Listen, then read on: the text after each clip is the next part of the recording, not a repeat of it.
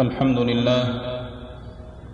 آوى من إلى لطفه أوى وداوى بإنعامه من يئس من أسقامه الدواء وأشهد أن لا إله إلا الله وحده لا شريك له.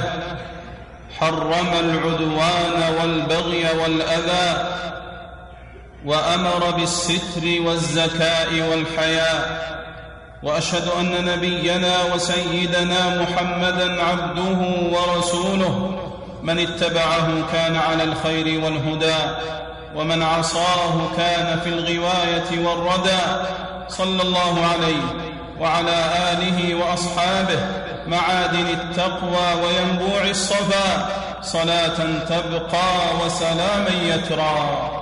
أما بعد فيا أيها المسلمون بالتقوى تحل الخيرات وتنزل البركات وتندفع الشرور والآفات وينجي الله الذين اتقوا بمفازتهم لا يمسهم السوء ولا هم يحزنون. أيها المسلمون يتصون المؤمن عن كل فعل تعود عليه فيه سبة ويعلق به منه عار وتلحقه به دنية ومعابه. ورب سقطه جلبت فضيحة لا تطفأ نارها ولا يخمد اوارها وموت الفتى لم يعط يوما خسيفة. وموت الفتى لم يعط يوما خسيفة. اعف وأغنى في الأنام وأكرم. والعبد يسهو ويهفو والله يمحو ويعفو والعبد يذنب ويفجر والله يغفر ويستر والله حليم حي ستير. وهو الحيي فليس يفضح عبده عند التجاهر منه بالعصيان. لكنه يلقي عليه ستره فهو الستير وصاحب الغفران. وكيف يتصور الأمر؟ وكيف يتصور الأمر؟ لو كانت الخلوات بين الخلق بادية والغدرات على الناس غير خافية. فعن قبيصة بن عقبة قال بلغ داود الطائي أنه ذكر عند بعض الأمراء فأثنى عليه فقال إنما نتبلغ بستره بين خلقه ولو يعلم الناس بعض ما نحن فيه ما ذل لنا لسان أن نذكر بخير أبدا. فلله الحمد على ستره الجميل وبره الجزيل. أيها المسلمون ومن شعفه الهوى وضعف عن المجاهدة ولم يزع النفس عن الجهل فليستتر بستر الله تعالى ولا يجاهر بمعصيته ولا يعلن بفجوره ويلزمه مع ذلك التوبة والإنابة والندم على ما صنع والإقلاع عما فعل. أخرج مالك مرسلا والحاكم والبيهقي أن النبي صلى الله عليه وسلم قال من أصاب شيئا من هذه القاذورات فليستتر بستر الله تعالى فإنه من يبدي لنا صفحته. نقم عليه كتاب الله تعالى. وعن أبي هريرة رضي الله عنه قال سمعت رسول الله صلى الله عليه وسلم يقول كل أمتي معافى إلا المجاهرين وإن من المجاهرة أن يعمل الرجل بالليل عملا ثم يصبح وقد ستره الله فيقول يا فلان يا فلان عملت البارحة كذا وكذا وقد بات يستره ربه ويصبح يكشف ستر الله عليه متفق عليه. فيا عجبا فيا عجبا ممن يفاخر بفواحشه وجرائمه وقبائحه. يقصها على أقرانه يقصها على أقرانه ويزينها لأصحابه. نعوذ بالله من الضلالة والجهالة والغواية. أيها المسلمون ومن الناس من تهفو نفسه إلى معرفة الخفايا والأسرار وتتبع الحوادث والأخبار فالحذر الحذر فإن طالب الوديعة خائن وخاطب السر عدو ومتتبع الأخبار غادر. ونبينا وسيدنا محمد صلى الله عليه وسلم يقول إني لم أومر أن أنقب عن قلوب الناس ولا أشق بطونهم. متفق عليه. أيها المسلمون ودينكم دين الستر والتزكية والنصيحة لا دين الهتك والفضح وإشاعة الرذيلة فأظهروا المحاسن والممادح واستروا المساوئ والقبائح وأشهروا الخير والنصائح وغطوا, وغطوا العيوب والفضائح.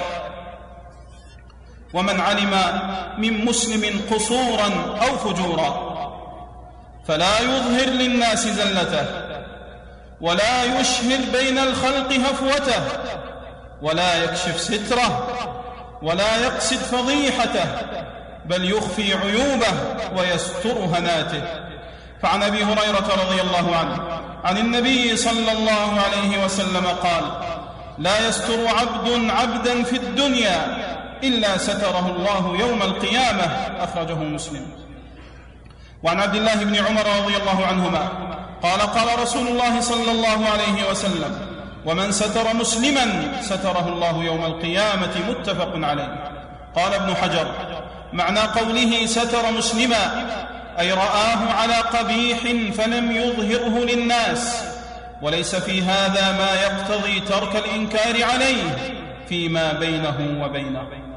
أيها المسلمون ومن تتبع عورات المسلمين والمسلمات والتمس معايبهم ومساوئهم وأظهرها وأشهرها بقصد فضحهم والإساءة إليهم وتشويه سمعتهم والحط من قدرهم فقد ارتكب فعلا محرما وامرا مجرما لا يقدم عليه إلا خسيس الطبع ووضيع القدر وساقط المنزله فعن نافع عن ابن عمر رضي الله عنهما قال صعد رسول الله صلى الله عليه وسلم المنبر فنادى بصوت رفيع فقال يا معشر من أسلم بلسانه يا معشر من أسلم بلسانه ولم يفضي الإيمان إلى قلبه.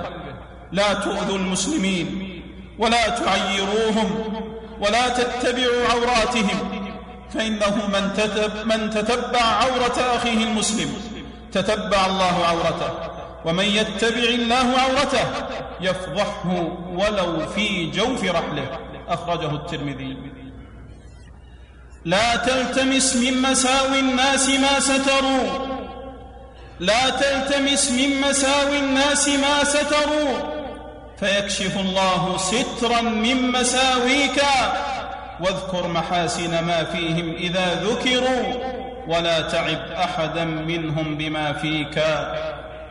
ولما دفع هزال بن يزيد الأسلمي رضي الله عنه إلى النبي صلى الله عليه وسلم ماعزا ليعترف بالزنا قال له النبي صلى الله عليه وسلم والله يا هزال لو كنت سترته بثوبك كان خيرا مما صنعت به.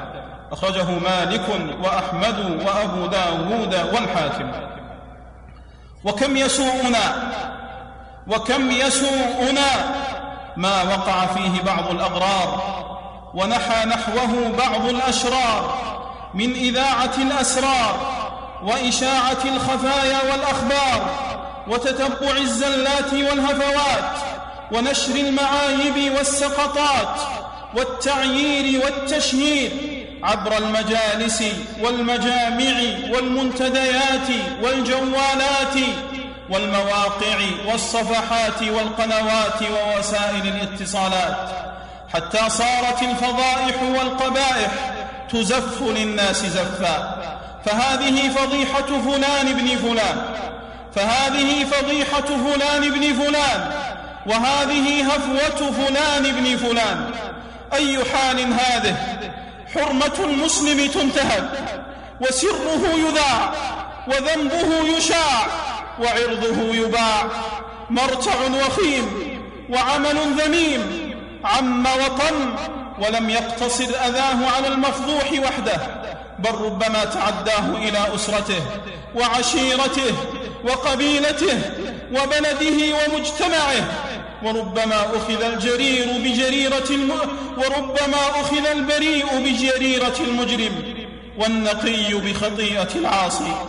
بل صارت تلك الأفعال سببا للطعن في أهل الإسلام وتشويه سمعتهم والنيل من عقيدتهم ودينهم وبلادهم وتصغيرها وتحقيرها بين الأمم.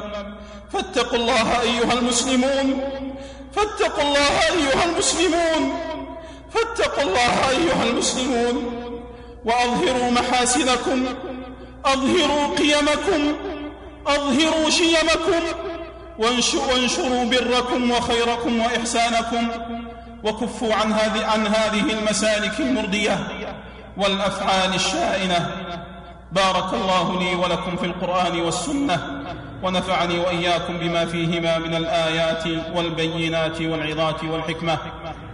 أقول ما تسمعون وأستغفر الله لي ولكم ولسائر المسلمين من كل ذنب وخطيئة. فاستغفروه إنه هو الغفور الرحيم. الحمد لله على إحسانه. الشكر له على توفيقه وامتنانه. وأشهد أن لا إله إلا الله وحده لا شريك له تعظيما لشأنه وأشهد أن نبينا وسيدنا محمدا عبده ورسوله الداعي إلى رضوانه صلى الله عليه وعلى آله وأصحابه وإخوانه وسلم تسليما كثيرا. أما بعد فيا أيها المسلمون اتقوا الله وراقبوه وأطيعوه ولا تعصوه. يا أيها الذين آمنوا اتقوا الله وكونوا مع الصادقين. أيها المسلمون ومن كان ضرره متعديا وفساده باديا وأذاه ظاهرا كمن كان داعية إلى بدعة أو فتنة أو مروجا لرذيلة أو متعاطيا للسحر والشعوذة والكهانة أو كان مروجا للمخدرات والمسكرات والمنبهات والمفترات أو كان ساعيا لشق عصا المسلمين وتفريق جماعتهم وزعزعة استقرارهم وأمنهم أو كان امينا على مصالح المسلمين فخانهم أو امينا على صدقات أو أوقاف أو أيتام فخان الأمانة فلا يحل الستر عليه فلا يحل الستر عليه. ووجب رفع أمره إلى ولي الأمر أو نوابه لقطع فساده وحماية المسلمين من إفساده. وليس ذلك من الغيبة المحرمة بل هو من النصيحة الواجبة. سئل الإمام أحمد رحمه الله تعالى إذا علم من الرجل الفجور أيخبر به الناس؟ قال لا بل يستر عليه إلا أن يكون داعية يعني لفجوره. أيها المسلمون إن ثمرة الاستماع الاتباع فكونوا من الذين يستمعون القول فيتبعون أحسنه. ثم صلوا وسلموا على أحمد الهادي شفيع الورى. فمن صلى عليه صلاة واحدة صلى الله عليه بها عشرا.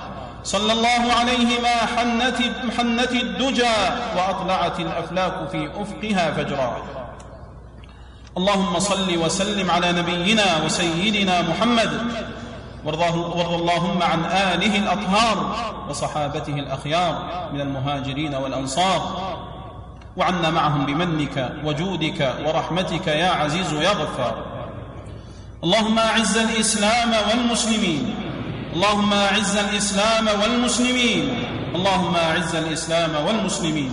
وأذل الشرك والمشركين. ودمر أعداد أعداء الدين واجعل هذا البلد آمنا مطمئنا سخاء رخاء وسائر بلاد المسلمين. اللهم آمنا في أوطاننا وأصلح أئمتنا وولاة أمورنا وأيد بالحق والنصر والتمكين إمامنا وولي أمرنا. اللهم من أرادنا أو أراد بلادنا أو أراد بلاد الإسلام والمسلمين بسوء اللهم فأشغله بنفسه واجعل كيده في نحره واجعل تدبيره في تدميره اللهم اقتله بسلاحه وأحرقه بناره واكشف سره واهتك ستره وافضح أمره واكفنا شره واجعله عبره يا رب العالمين. اللهم كن لإخواننا في سوريه ناصرا ومعينا. اللهم كن لإخواننا في سوريه ناصرا ومعينا ومؤيدا وظهيرا. اللهم انصرهم على القتلة المجرمين. اللهم انصرهم على القتلة المجرمين والخونة الظالمين. يا رب العالمين.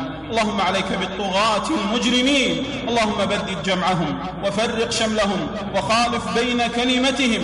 اللهم أرسل عليهم أمرا من عندك.